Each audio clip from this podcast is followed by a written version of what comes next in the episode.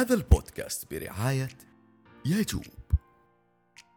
يجوب يقدم مصادر معرفية وأدوات وألعاب تساعد أولياء الأمور على تربية جيل يستخدم فطرته وفضوله لاكتشاف العالم من حوله والاتصال به. ننصحكم بمتابعة صفحتهم في الانستغرام للاطلاع على أحدث منتجاتهم ومنشوراتهم. at يجوب dot play يا أهلا وسهلا فيكم في بودكاست مع هبة حريري. البودكاست اللي يتكلم عن قضايا مختلفة صحتنا النفسية وجودة حياتنا الأسرية والاجتماعية. في هذه الحلقة ناقشنا إدمان الإباحية. وكيف الإدمان الإباحية أثر خطير على الدماغ زي إدمان المخدرات وربما أشد. تحدثنا عن المتعة الجنسية المشوهة والخطوات العلاجية الهامة للتعافي من إدمان الإباحية. وأخيرا عن دور الوالدين في إلهام وتثقيف أبنائهم عن خطورة الإباحية قبل أن يقعوا ضحايا فيها. أما الآن خلونا نبدأ الحلقة. يا أهلا وسهلا. أهلا صالح. زمان ها؟ ورجعنا تاني أيوه إن شاء الله والعودة أحمد. الحلقة دي مطلوبة مننا. يعني لو تفتكري في بوست نزل والبوست كان عن الأدمغة. حقت شخص مدمن إباحية والشخص غير مدمن إباحية وكيف إنه أشكال الأدمغة مختلفة. مم. الناس اختلفوا في الكومنتس عندك يعني حتى اللي يبغى يرجع يشوف. اللي آه، لا من فين آه، الإفتاء هذا؟ واللي متفق؟ واللي يا لطيف يا ربي مفجوع. آه، فالكل طلب إنه نعملها حلقة. واليوم إحنا هنا موجودين عشان نعمل حلقة. أول شيء خلينا كده نحط النقاط على الحروف. إيش هي الإباحية؟ آه يا هذا شوي يمكن خلينا نقول التعريف آه حتلاقيه متنوع بس إذا أسقطناه بشكل آه يعني في حساسية ثقافية على مجتمعاتنا أو حتى المجتمعات الثانية تتفق إنه أي مشاهد جنسية سواء كانت صور أفلام مشاهد مقاطع حتى لو كانت كرتونية. يعني برضها تعتبر من ال- الأشياء الإباحية اللي هي فيها رسائل جنسية لإثارة آه، الغرائز الجنسية عند ال- المتلقي. أوكي حتى لو كانت غير مباشرة؟ أيوة حتى لو كانت غير مباشرة. يعني مثلا جزء من الإباحيات الكلام. ف وفي خدمات كانت يعني مو كانت يعني أتذكر مرت علي حالة في أمريكا شخص مدمن إباحيات بالتليفون. هو ما يشوف شيء. أيوه وهذه للأسف حتى تمارس. يعني في المجتمعات العربية يسموها sex phone يعني آه ممارسة للإباحية بس من خلال ال- الكلام أو الأصوات أو غيره. فهي أي أي شيء يثير آه أو يحفز الرغبة الجنسية عند ال- المتلقي. آم، ال- الإباحية يعني هذا تعريفه. إدمان الإباحية آه، وهذه الصورة اللي أربكت الناس لأنه كان صورة دماغ مدمن الإباحيات آه، تماما الدمج أو ال- التلف ال- اللي ساير في الدماغ زي دماغ آه، آه، مدمن كوكايين. فالدمج الدمج واحد التلف واحد فكانت الناس تقول طب دي مخدرات ونعرف إنها هي من جد يعني تدمر حياة الشخص وتغيب عقله طيب الإباحيات. حنحكي في الحلقة ليش ليش في هذا التشابه. يعني إذا تديني إدمان الإباحية هل هو إنه الواحد يتفرج كثير ولا يعني إذا تديني تعريف لها. أيوة. خاصة إنه الاباحيه تعريفها يعني كبير بالشكل اللي قلتيه. م- مزبوط أنا أحب يعني أنا أميل لتعريف دكتور جابور ماتي آه، هو يعني family doctor واشتغل كثير مع المدمنين. ال- الإدمان دائما automatically يجي على بالنا إنه مخدرات. بس في الحقيقة ترى الإدمان له مرة أشكال كثير. هو سلوك يمارس بكثرة لا يمكن إنك أنت توقفه. طيب ويسبب لك relief أو سعادة مؤقتة. يعني يشيل عنك كده مشاعر آه، ضيقة أو آه، أو مشاعر ضغوط أو غيرها أو يجيب لك سعادة كده بسرعة. فهو يجلب لك كده مشاعر بشكل سريع يعني بسبب هذه الممارسة المتكررة. وبالعادة أنت بتشرد من شيء. يعني أنت بتحاول ما تواجه شيء فتقوم تشرد بتكرار هذه الممارسات سواء كان إدمان على الإنترنت إدمان إباحيات إدمان كوكايين إدمان شرب إدمان مشتريات آه، إدمان مشاهدة تلفزيون فهو سلوك متكرر ياخذ وقت أطول من العادة يعني آه، أكثر مما ينبغي أو أكثر من الطبيعي. فهو هذا تعريف الإدمان. إدمان الإباحية. الإدمان الإباحية هي إنه الشخص آه، يعني يعني يكرر مو يعني مشاهدة المشاهد أو الاستماعات أو, أو المشاهدة الكلام. أو الكلام أو الصور أو غيرها سواء كان متلقي أو سواء تفاعل معها بأي نوع من أنواع التفاعل يعني مع شخص آخر ولا مثلا يعني البعض مثلا لما يدمن عليها يمارس العادة السرية أو غيره. بس إنه يصير في إدمان هي مشاهدة متكررة آه تسبب له آه سعادة مؤقتة أو relief يعني مشاعر كده بالراحة المؤقتة. وعادة هو يعني آه يمارس هذا السلوك عشان يبي يخدر شيء أو يبي يشرد من شيء أو يبي يتعامل مع ضغط معين. okay. طب معلش خليني آه، أستوقفك هنا.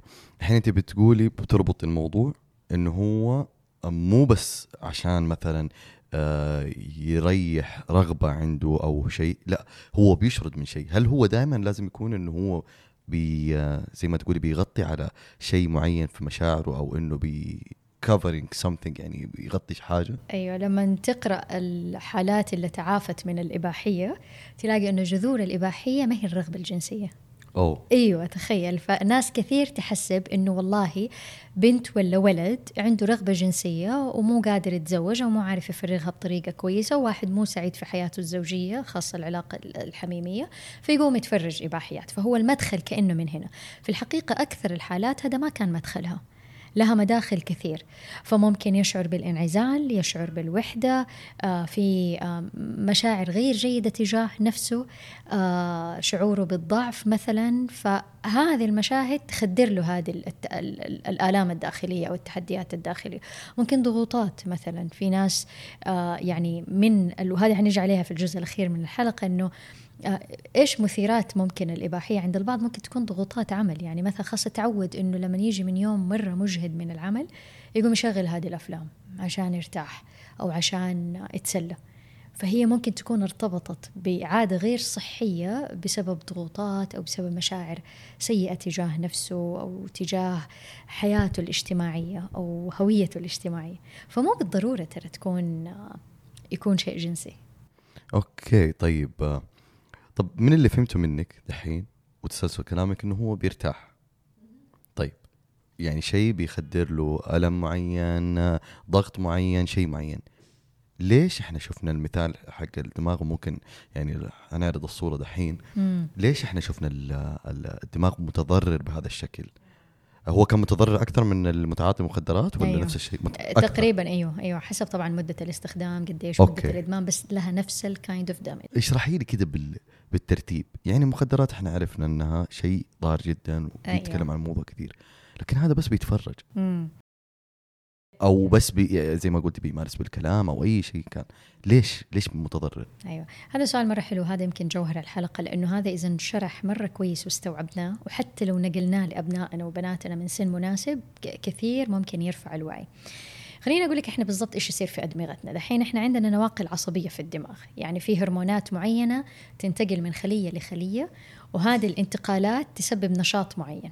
تمام؟ فمن ضمن ال- ال- النواقل العصبية والهرمونات الدوبامين. متى يفرز الدوبامين عندي وعندك وعند كل الناس؟ لما نتعرض لخبرات جديدة لخبرات سعيدة لشيء مثلا تعلمنا شيء جديد ولا دخلنا موفي من أول نشوف دعايات وخلاص جلسنا في كرسي السينما وبدأنا نشوفه. لما نلعب لعبة لما ناكل أكل جديد أي خبرات جديدة أو أي أشياء تسبب لك السعادة هذا الناقل العصبي يفرز بكميات متزنة. فيسبب سعادة للإنسان يسبب نشاط عندك في الدماغ. إيش اللي يصير لما الواحد يتعاطى كوكايين ولا هيروين أنواع المخدرات أو يشوف إباحية؟ نفس ال- النشاط اللي الآن حوصفه اللي حيصير. الدوبامين يفرز بطريقة مهيلة وكبيرة جدا بطريقة غير طبيعية وغير متزنة وبكميات شديدة جدا على الدماغ. فالدماغ عشان كده تحس إنه اللي يدمن أو اللي يشوف الإباحية يوصل لدرجة السعادة أو البلجر ولا ال- النشوة بطريقة مرة عالية بسرعة. يعني أنت مثلا لما حتدخل تتفرج الفيلم وأنت حتنبسط. بس ما هي بنفس نشوة المدمن سواء للهيروين والكوكايين أو حتى المشاهد الإباحية. فالإفراز هذا يكون جدا مرتفع فالدماغ يرتبك يعني حتى الدماغ كأنه لسان حاله يقول this is too much pleasure. هذه متعة مرة كثير. يعني كثير علي إني أنا أتحملها. مو بس هذه الجزئية الخطيرة الأخطر انها هي بسرعة تنزل. فالإرباك هنا يصير في الخلايا العصبية والناقلات العصبية. يفرز بسرعة الدوبامين وبعدين فجأة ينزل. ويفرز بسرعة وفجأة ينزل. بعدين إيش يصير؟ خذ هذه المرحلة الثانية من الخطورة. إنه الآن خلاص الدماغ تعود إنه والله كل يوم بالليل لما أرجع من الشغل ولا في الصباح أو whatever حبدأ أتفرج الإباحيات ولا حاخذ جرعة من الكوكايين ولا غيره حيصير هذا الارتفاع الكبير. خلاص يبدأ الدماغ يتعود على القدر المربك العالي ده فإن سمهاو الدماغ يتأقلم مع الجرعة هذه. بعدين في مناطق تانية في الدماغ تبدأ تقول لك أبى أكتر. أحتاج أكتر اللي هو الكريفنج هذه اللي يصير النهم إنه هذه الجرعة ما عاد أبى جرعة أعلى. لذلك يا صالح يعني صناع أفلام الإباحية أو صناع الإباحية بشكل عام يدركوا هذه النقطة عشان كده دائما يزيدوا الجرعات فيها ودائما يغيروا من نمط الإباحية بشكل متكرر. عشان مرة أشبه المثال فممكن واحد يبدأ يشوف مشاهد إباحية عادي مثلا بين سيدة ورجل. بعد كده لا تبدأ المشاهد الإباحية تصير فيها فانتسي أكثر خيالات أكثر ممكن شوية تصير بين رجل ورجل رجل وطفل بين رجل كبير في العمر كأنه أب مع بنت كأنها صغيرة شابة. يبدأ يصير في تلاعب في هذه الأشياء لأنه الدماغ يبدأ يبى جرعات مختلفة. زي متعاطي الهيروين ياخذ جرعة في البداية بسيطة بس بعد فترة هذه الجرعة ما عاد تديله النشوة الكبيرة هذه لأنه خلاص الدماغ صار يفرز الدوبامين بهذه الطريقة العالية. فعشان كذا تلاقيهم يزيدوا الجرعات يزيدوا الجرعات ويدخلوا في عمق الإدمان. يعني حكاية المدمنين دائما واحدة تبدأ بسيطة وتنتهي بشكل مرة كبير يعني. ف... فتخيل الدماغ لما تصير النواقل العصبية بالشكل المربك هذا دائما سواء كل يوم ولا مرة في الأسبوع ولا مرتين ولا ثلاثة. for long term يبدأ يتلف الدماغ. لأنه أنت أجهدته لأنه أنت خليت الناقل العصبي يشتغل بطريقة مو طبيعية. فلذلك يسبب له هذا التلف. طبعا يؤثر على القدرات يعني تعال قيس مثلا. يأثر على الشعور بالسعادة الطبيعية يأثر على التركيز يأثر على ال working memory يأثر على كثير من الوظائف العقلية. طيب آه يعني آه يعني اللي جاي على بالي دحين هل ممكن واحد يتعافى من ده الشيء؟ يا بس خليني كمان صالح ناخذ أضرار تانية مهم إنه إحنا نسلط الضوء عليها أيوة. قبل ما نتكلم على على الضرر أوكي آه يعني من الأضرار كمان اللي هي لل, لل للإباحية اللي إحنا نسميها المتعة الجنسية الغير مكتملة وهنا عشان مرة كمان أشرحها بشكل يعني كمان مرة مبسط يعني خلق الإنسان وفي له هذه الغرائز بشكل طبيعي زي ما عندك غريزة الجوع العطش الغريزة حب التعلم القبول هذه كلها غرائز واحتياجات أساسية موجودة عندنا فلما الإنسان يبدأ يشبع هذه الغريزة أو هذه الحاجة عنده عن طريق الإباحيات إيش اللي يصير؟ إحنا عشان تصير عشان خلينا ناخذها من زاويتها عشان تصير عملية جنسية مكتملة صحية تمام.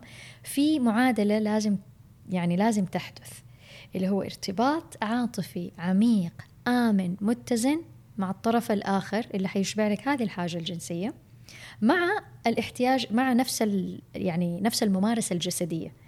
فالرغبة الجنسية أو الحاجة الجنسية لازم تصير بهذه المعادلة جزء عاطفي وجزء جسدي.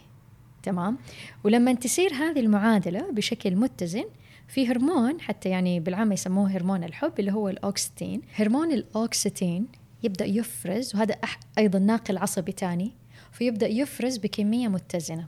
لما تسير العملية الجنسية بهذه المعادلة بارتباط عاطفي مع شريك آخر واللي هي الممارسة الجسدية. الإباحية ما تخلي هذه المعادلة تصير لأنه الإباحية أنت ما عندك طرف تاني. ولا عندك ارتباط عاطفي. أصلا ما في. انت أنت مجرد متلقي. أنت شايف اثنين هم اللي جالسوا يمارسوها. تمام؟ تثير عندك آه، يعني الشبكة العصبية والغرائز وغيرها وبالغالب دائما تكون مصاحبة بممارسة العادة السرية. فيصير الإشباع الجنسي الجسدي بالتالي ما هو مكتمل لأن المعادلة ما اكتملت. فلما يصير الإشباع دائما ناقص ناقص ناقص ناقص الخبرة الجنسية تصير مشوهة. ما هي مكتملة. آه، والناقل العصبي الخاص اللي إحنا نسميه هرمون الحب ما يفرز بشكل متزن. اجين إحنا قاعدين نخبص في في الناقلات العصبية. هذا ياخذنا على ضرر ثاني كمان. لأنه إحنا هذه كمان معلومة مرة مهمة. إنه أي خبرة أنت تكررها يا صالح تسبب عندك مسار عصبي معين في الدماغ. تمام؟ يعني مثلا أنت متعود كل يوم تصحى تسوي رياضة كل يوم تصحى تسوي رياضة تسوي رياضة. خلاص هناك مسار عصبي معين في الدماغ عندك بسبب ممارسه الرياضة. فخلاص مثلا دماغك ينشط يتصحصح جسمك يبدأ آه يعني عضلاتك تبدأ يعني تتمرن وغيره. فخلاص هذا صار مسار عصبي. كثرة المشاهدة للمشاهد الإباحية ومرة ثانية الإشباع الناقص الجنسي بسببها يشكل مسار عصبي معين. هذا المسار مشوه. فلما هذا الشخص هذه البنت أو هذا الولد يدخل على العلاقة الحقيقية دحين العلاقة الجنسية في في العلاقة الزوجية المسار العصبي مو مو راكب مع الواقع. لأنه المشاهد اللي بيشوفها ما هي ابدا لها أي علاقة بالواقع. والدماغ ما يفرق بين الواقع والخيال في في في درجات معينة. فالآن هذا الشاب جالس من عمر 16 سنة ولا 15 14 أصغر أصغر حالة مرت علي مدمن إباحية أربع سنين كيف كده؟ معلش أستوقفك هنا كيف أربع سنين مدمن؟ للأسف لأنه هذه الحالة الولد فتح حساب أبوه في ال في ال في الآيباد ودخل على حساب بابته لقى حساب بابته مليان مشاهد إباحية فالولد انبسط صار يشوف شيء غريب ولا تنسى ترى إحنا إحنا قلناها في احدى الحلقات في الموسم الأول إنه الطفل صحيح ما يثار جنسيا زي الكبار لأنه لسه جسمه ما اكتمل وما نضج ولكن هناك إثارة تحدث بطريقة أو بأخرى. فتخيل يعني يا انتشار الإباحية كبير. ولعله هذه فرصة إنه إحنا نقول إلى أي مدى منتشر. يعني 30% من المحتوى اللي موجود اعلاميا إباحي. 30% يعني وأنا أعتقد النسبة أعلى من كده. يعني كمية الصور اللي الأمهات يرسلوا لي هي من الفيديو جيمز حقت أولادهم اللي يلعبوها وألعاب ترى عادية يعني ألعاب عارف متاهة مدري إيه ألعاب تبني حديقة يعني ألعاب لا هي ضرب ومضروب ولا فيها أشخاص. بس الفواصل الإعلانية تجي إباحية. واحد بيمارس عادة سرية واحد بيمارس جنس مع واحدة واحد لأطفال.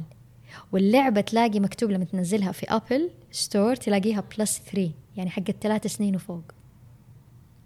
فإذا ما تتخيل ترى إلى أي مدى مدسوسة الإباحية وموجودة في كل شيء حوالينك سواء في, في اليوتيوب سواء في الأفلام المشاهد الألعاب وغيرها.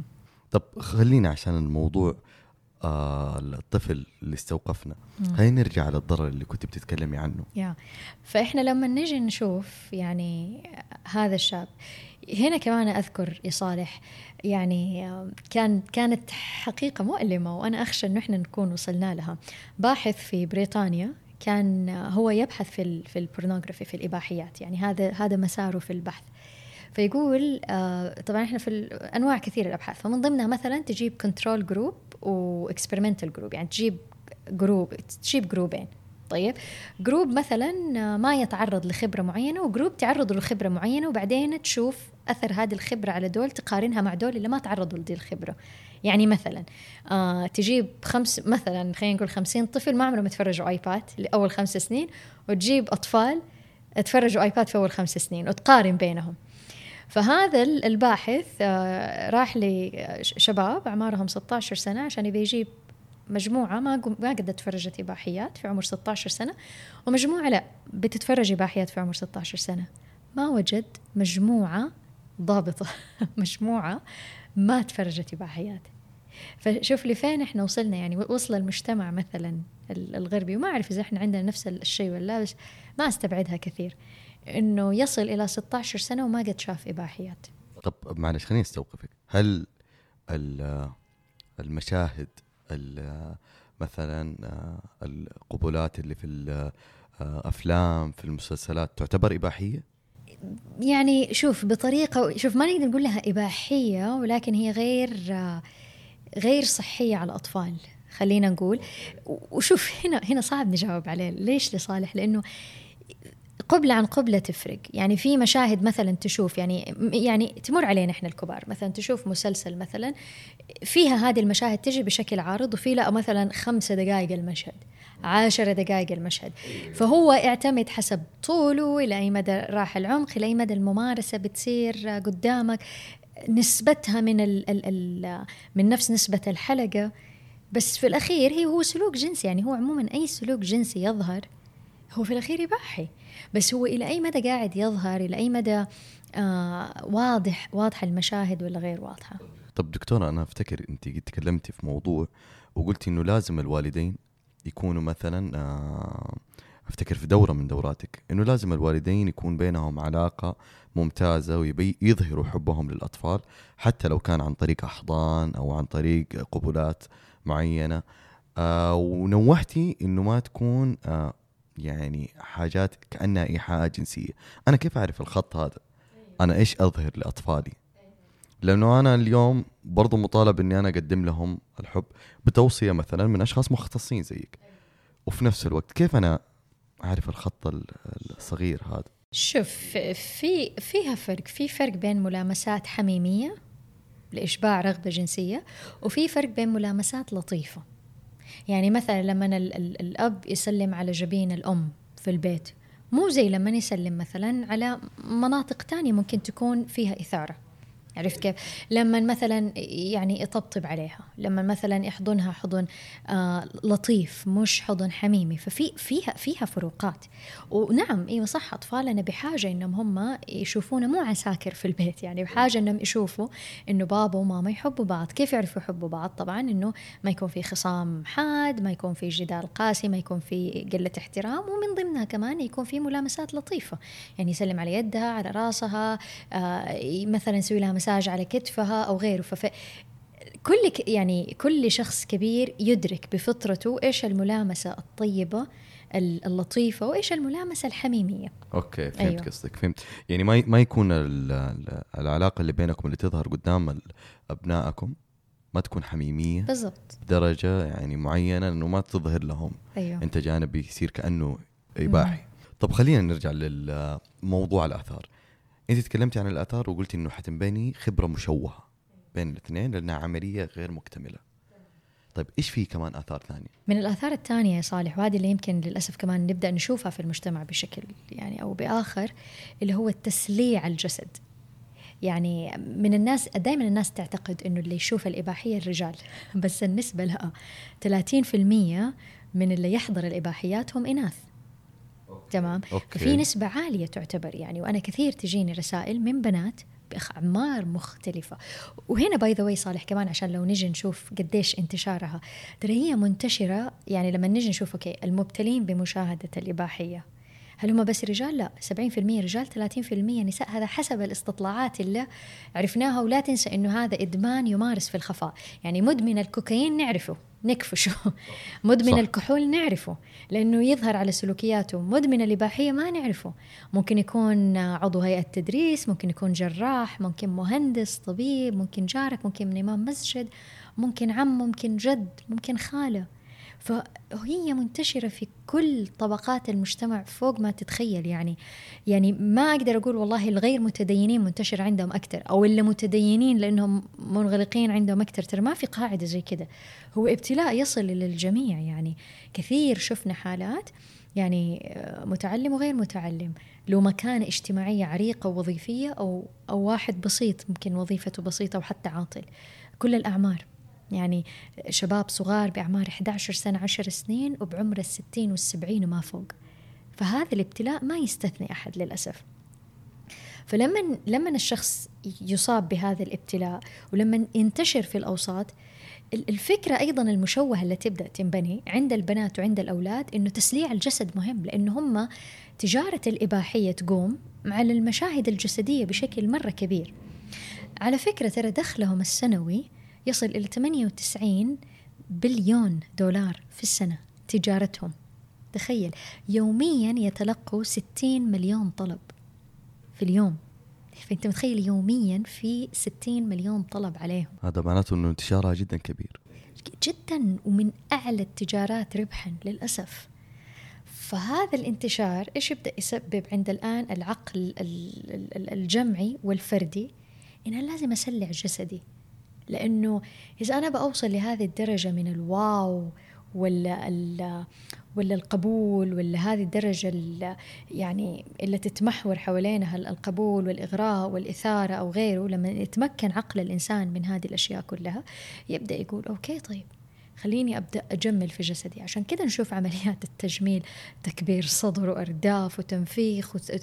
في يصير تسليع الجسد بطريقة آه، غير عادية.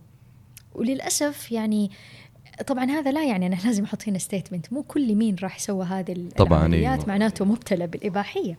ولكن في ارتباط ما بين إنه يبدأ يصير العقل إنه خليني أسلع جسمي. أو البنت تحس إنه والله عشان يمشي سوقي في الزواج أو عشان يمشي سوقي في آه، القبول للجنس الآخر فأنا لازم أسلع جسمي. بينما العلاقة لا تبنى بهذا الباب ولا العلاقة الجنسية بين الأزواج ما تبنى بهذه الطريقة. لذلك في كلمة شهيرة ناس يمين مين يقولها؟ إنه لا يوجد أي شريك في الحياة ينافس الإباحية. يعني كل اللي موجود في الإباحية وفي في المشاهد الإباحية وفي الأفلام لا يمت للواقع بصلة تماما. فهنا هنا هنا تجي الشفقة على الشباب أو البنات اللي من عمر صغير يبنى عندهم هذا الفكر الجنسي في هذه العلاقة. لأنه لما حيجي على الواقع مرة محبط حيكون بالنسبة له إنه هو بيشوف عالم خيالي والواقع ما بيقول له كده الواقع تماما مختلف. فهذا أيضا أحد الآثار اللي فيه ضرر مرة كبير. عشان كذا كثير مثلا من الزوجين نلاقي إنه يبدأوا يشتكوا من بعض على أسباب تافهة. هي ما تسمع كلامي عصبيه هي متطلبة بس نبدأ نبدأ ننبش نلاقي واحد منهم مبتلى بالإباحية بمشاهدة الإباحيات. فهو خلاص انبنى عنده المسار العصبي في الممارسة الجنسية باللي قاعد يشوفه سواء هي أو هو. يجي الواقع ما هو مشبع. الأثر الثاني كمان اللي مرة مؤلم يا صالح هذه اللي ما يدروا عنها كثير من اللي يعني يشوفوا الإباحيات إنه أوكي هذه هذه مشكلتي أنا. بس إذا شريك الحياة اكتشف إنه شريكي جالس يشوف إباحيات هذا غدر للطرف الآخر. هذه خيانة ممكن تعتبر للطرف في ألم مو طبيعي يصيب الشخص الآخر. إنه أنا ألعب المفروض هذا الدور في حياتك. فليه أنت تفتح هذه النوافذ وتشوف هذه المشاهد ودي الأشياء كلها؟ ففيها كثير من الرسائل المؤلمة اللي ممكن توصل لشريك الحياة سواء رجل أو مرأة. لذلك ترى بعضهم حتى يعني يعني يروح علاج نفسي لأنه بالنسبة له صدمة. يعني صدمة يعني لأنها تمس هويته في هذه العلاقة هويتك كشريك حياة. مرة ثانية نرجع للمعادلة الطبيعية. إنه ارتباط آمن وإشباع جسدي. فأنا لما شريك حياتي جالس بس بإشباع جسدي طيب وأنا؟ ففيها إهانة شديدة جدا وعميقة يعني وغدر لأصل العلاقة. فهذا أثر كمان كبير يعني. طب أيه. أنت بتقولي على يعني كأنك بتضربي أمثلة أنهم بيكونوا متزوجين. هل هو الزواج مو الحل؟ إنه عشان خلاص يبطل الإدمان؟ يا هذه كثير ناس يعتقدوا إنه يمكن لو تزوج حيكون الحل خلاص إيوه يكون الحل يعني سواء هو أو هي أه، الاجابه بكل بساطة لا عمر الزواج ما كان حل ليش؟ ليش؟ لأنه مرة ثانية okay خلينا ناخذ المثال لأنه هو في الأخير إدمان إذا وصل إلى مرحلة الإدمان فالزواج ما يعمل له replacement ما يعمل له تعويض مم. يعني المدمن الكحول تقدر تقول خلاص أشرب عصير مانجا أيوه فهمتك فهمت حيقول لك okay حشرب عصير مانجا بس مو زي الخمرة مو زي الكحول مو زي ال... اللي, ياخذ إبرة هيروين تقدر تقول له okay بدل ما تجيك نشوة الهيروين روح سوي رياضة ولا أدخل الأولمبياد تقول لك ما حيديني نفس النشوة. فهذا شيء وهذا شيء. فالزواج مو هو الحل. ويظلم كثير من السيدات أو من الرجال إذا الشريك عارف إنه مبتلى بالإباحية وحتزوج عشان عالج الموضوع. زي المدمن خمر وبس يجيب عصير مانجا ولا تفاح. هو ما هو كذا ما يعالج بهذه الطريقة. ف... فلا يعني غير كذا أساسا كمان يعني لو جينا كمان قلنا إنه إيش يخلف كمان؟ يخلف كثير من مشاعر مشاعر العار وتأنيب الضمير. يعني كثير من المدمنين يشعر بالعار تجاه نفسه. طيب هنا نيجي للسؤال المهم. العقل المدمر اللي يعني سوء التدمير فيه ضربنا مثال إنه أكثر من سوء المخدرات أو بشكل مماثل ممكن يكون. كيف يتعالج؟ أو هل ممكن يتعالج أول شيء يعني عشان نطمن الناس يعني؟ أيوه أيوه. يمكن علاجه طبعا. يعني في ناس كثير تقول خلاص يعني هذا شيء لا يمكن علاجه هذا إدمان هذا هذه هاوية وقعت فيها وما أقدر أطلع منها. لا طبعا يمكن علاجه. في كثير من العلاجات المثبتة علميا ولا ناس تشافت من هذا الابتلاء. يعني مثلا يحضر على بالي واحدة من ال- ال- البرامج العالمية اللي هي 12 ستيبس 12 خطوة. هذه أساسا بنيت وبنائها الأساسي روحاني. يعني هي يعني ما حدخل في تفاصيل كثير. هي يعني خارجة من من أفكار كثير تنتمي إلى الكنيسة وهذا المنهج يعني خلينا نقول يعني تم أسلمته أو إعادة بناؤه بشكل مؤسلم. يعني كيف تأخذ الأفكار الروحية اللي فيه؟ هي أفكار روحية بحتة يعني. ولكن هي تساعد الإنسان في 12 خطوة إنه كيف تتعافى من أي إدمان سواء إدمان الإباحيات إدمان الكحول أو المخدرات أو غيرها. آه كمان في من البرامج اللي مثبتة علميا اختصارها SMART. ولو بحثوا الناس عنها لها مواقع يعني آه رسمية ولها جروبات علاجية ممكن تلاقيها أونلاين ممكن تلاقي معالجين مرخصين في تقديم هذا العلاج اللي هي خطوات تعتمد كثير على ال cognitive behavior therapy اللي هو العلاج المعرفي السلوكي. العلاج يا صالح يتطلب أكثر من عامل مرة مهم. أول شيء نية مرة صادقة ونية قوية يعني فعلا أنا ناوي أقلع. يعني مو رجل قدام ورجل أجرب العلاج. العلاج ما يعالجك. أنت اللي حتعالج نفسك. كثير من الناس في كل مشاكل الحياة. تحسب انه روحتي للمعالج أو إني خلاص سجلت أو دفعت قيمة جلسة وحاروح إنه خلاص هذه عصاية سحرية ولا غرفة سحرية حتخرجني تعالجت. إذا ما بدأ من داخلك ما حتتعالج. فهذا أول شيء إنه تكون النية مرة قوية. اثنين تكون في خطة محكمة. دائما مع المدمنين أو مع أشياء آه خلينا نقول سلوكيات مدمنة أو عادات مدمنة تحتاج لخطة مرة محكمة. تحكمها في حاجتين أساسية. فإذا بدأت في علاج مع معالج أتأكد أنه هذه الاثنين تكون موجودة. إيش الجذور لهذا لهذا الإدمان؟ هل هو ضغوطات؟ هل هو صورة مشوهة عن نفسي؟ إيش؟ أوجد الجذر لأنه مهم تمسك أصل المشكلة. وأوجد المثيرات لأنه الانتكاسة في المسار العلاجي للإدمان وارد. وارد جدا أكثر من أي علاج ثاني يعني لما نعالج مثلا الاكتئاب أو القلق أو أي مشكلة الانتكاسة واردة. إحنا بشر في الأخير يعني نطلع وننزل. بس مع الإدمان الانتكاسة واردة. ليش؟ لأنه الدماغ الآن أنت بدأت تسحب منه نشاط معين. يعني هو خلاص هو متعود إنه يثار كذا بدي الطريقة بالدوبامين العالي. متعود متعود. فجأة أنت حتوقف له هو. ففي أعراض انسحابية. فمجهد. وممكن يسبب لك انتكاسة فلازم تكون واعي مرة لازم الخطة تكون محكمة عشان الانتكاسة ما يعني ما تجرك يعني في في هذا المسار. آه في مشروع رائع جدا في السعودية بدأ من سنتين اللي هو مشروع عفة. عندهم برامج علاجية عندهم مجموعات دعم عندهم قنوات وحقائب تدريبية رائعة جدا. يعني اللي يبحث عنهم عفة ممكن نحط رابطهم رابط موقعهم في الحلقة. يساعدوا حقيقي في التعافي من من الإباحية. طيب وهل يرجع العقل زي ما كان؟ اي نعم نعم. الخطة المحكمة في التعافي حتعمل لك تعافي على كل الأصعدة. أولا على الصعيد الفيزيائي الدماغ سبحان الله الدماغ عجيب يا صالح. كثير ناس لما تشوف الصورة تتفجع إنه خلاص أنا دماغي دحين أتلف لأنه الصورة تفجع توريك كأنه في حفر في الدماغ يعني. لا يعاد سبحان الله. في حاجة من أجمل الأشياء اللي الإنسان تعرف عليها على الدماغ وحديثا ترى النيروبلاستيسيتي اللي هي المرونة العصبية في الدماغ. إنه الآن إذا صار عندك دمج أو تلف معين في الدماغ إذا بدأت تستبدله بعادات جديدة أو غيره الدماغ يبدأ يعيد التشكيل مرة ثانية فالدماغ قادر على إعادة التشكيل إعادة إيجاد مسارات عصبية جديدة. آه العلاج راح يبدأ يعمل لك إعادة للبناء العاطفي من داخلك البناء الاجتماعي الفكري. يعني العلاج يطول طبعا وصعب إنه إحنا نفرده بالتفصيل بس يبدأ يغير أفكارك تجاه الإباحيات تجاه لما تشوف مثير يبدأ يخليك أوكي أبغى أروح أتفرج. بس لا يبدأ يعدل أفكارك فخلاص هذا ما يصير خيار عندك. فالعلاج نعم يكون شامل والتعافي لا بد يكون شامل.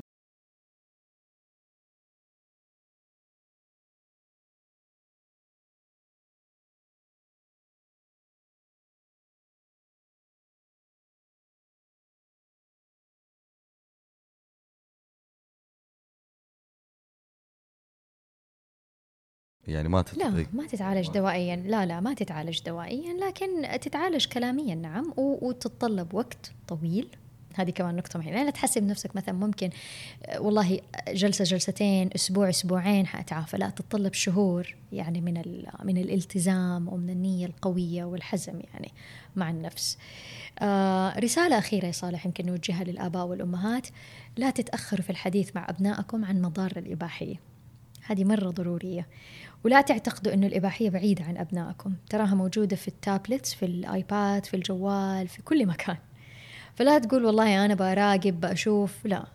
آه المحتوى كبير جدا موجود ما نقدر نحاربه ولا نمنعه لكن نقدر نحمي أبنائنا ثقف أبنائك جنسيا. آه لا تخليه صفحة بيضة وعرضة إنه هو لأنه كثير ممن أدمن الإباحية بدأها بالفضول. إيش يصير؟ كيف العلاقة تصير؟ بس وخلاص ينزلق في هذاك لأنه خلاص شاف وبعدين الدوبامين ارتفع وحس بسعادة عالية ويبدأ ينزلق فيها. فأحد جذورها ممكن يكون غياب المعرفة والتربية الجنسية غياب الوعي تجاهها. يعني كثير من الرجال الآن أو السيدات لما يعالجوا مو مستوعب ضررها فما بالك لو طفل صغير فإحنا بحاجة انه إحنا نوعي أولادنا على ضررها. يعني ممكن أي أحد ممكن يكون يسمعنا اليوم يقول أنا عايش حياتي عادي يعني بدون الفيلم هذا كله اللي أنتم بتقولوه. ما في أي مشكلة فيه. بس فعلا عقليا ونفسيا أعمق من كذا يكون جدا كثير. يعطيك العافية دكتورة. شكرا لوقتك. حلقة جدا جميلة وأتمنى أنها تفيد الجميع. يعطيك العافية.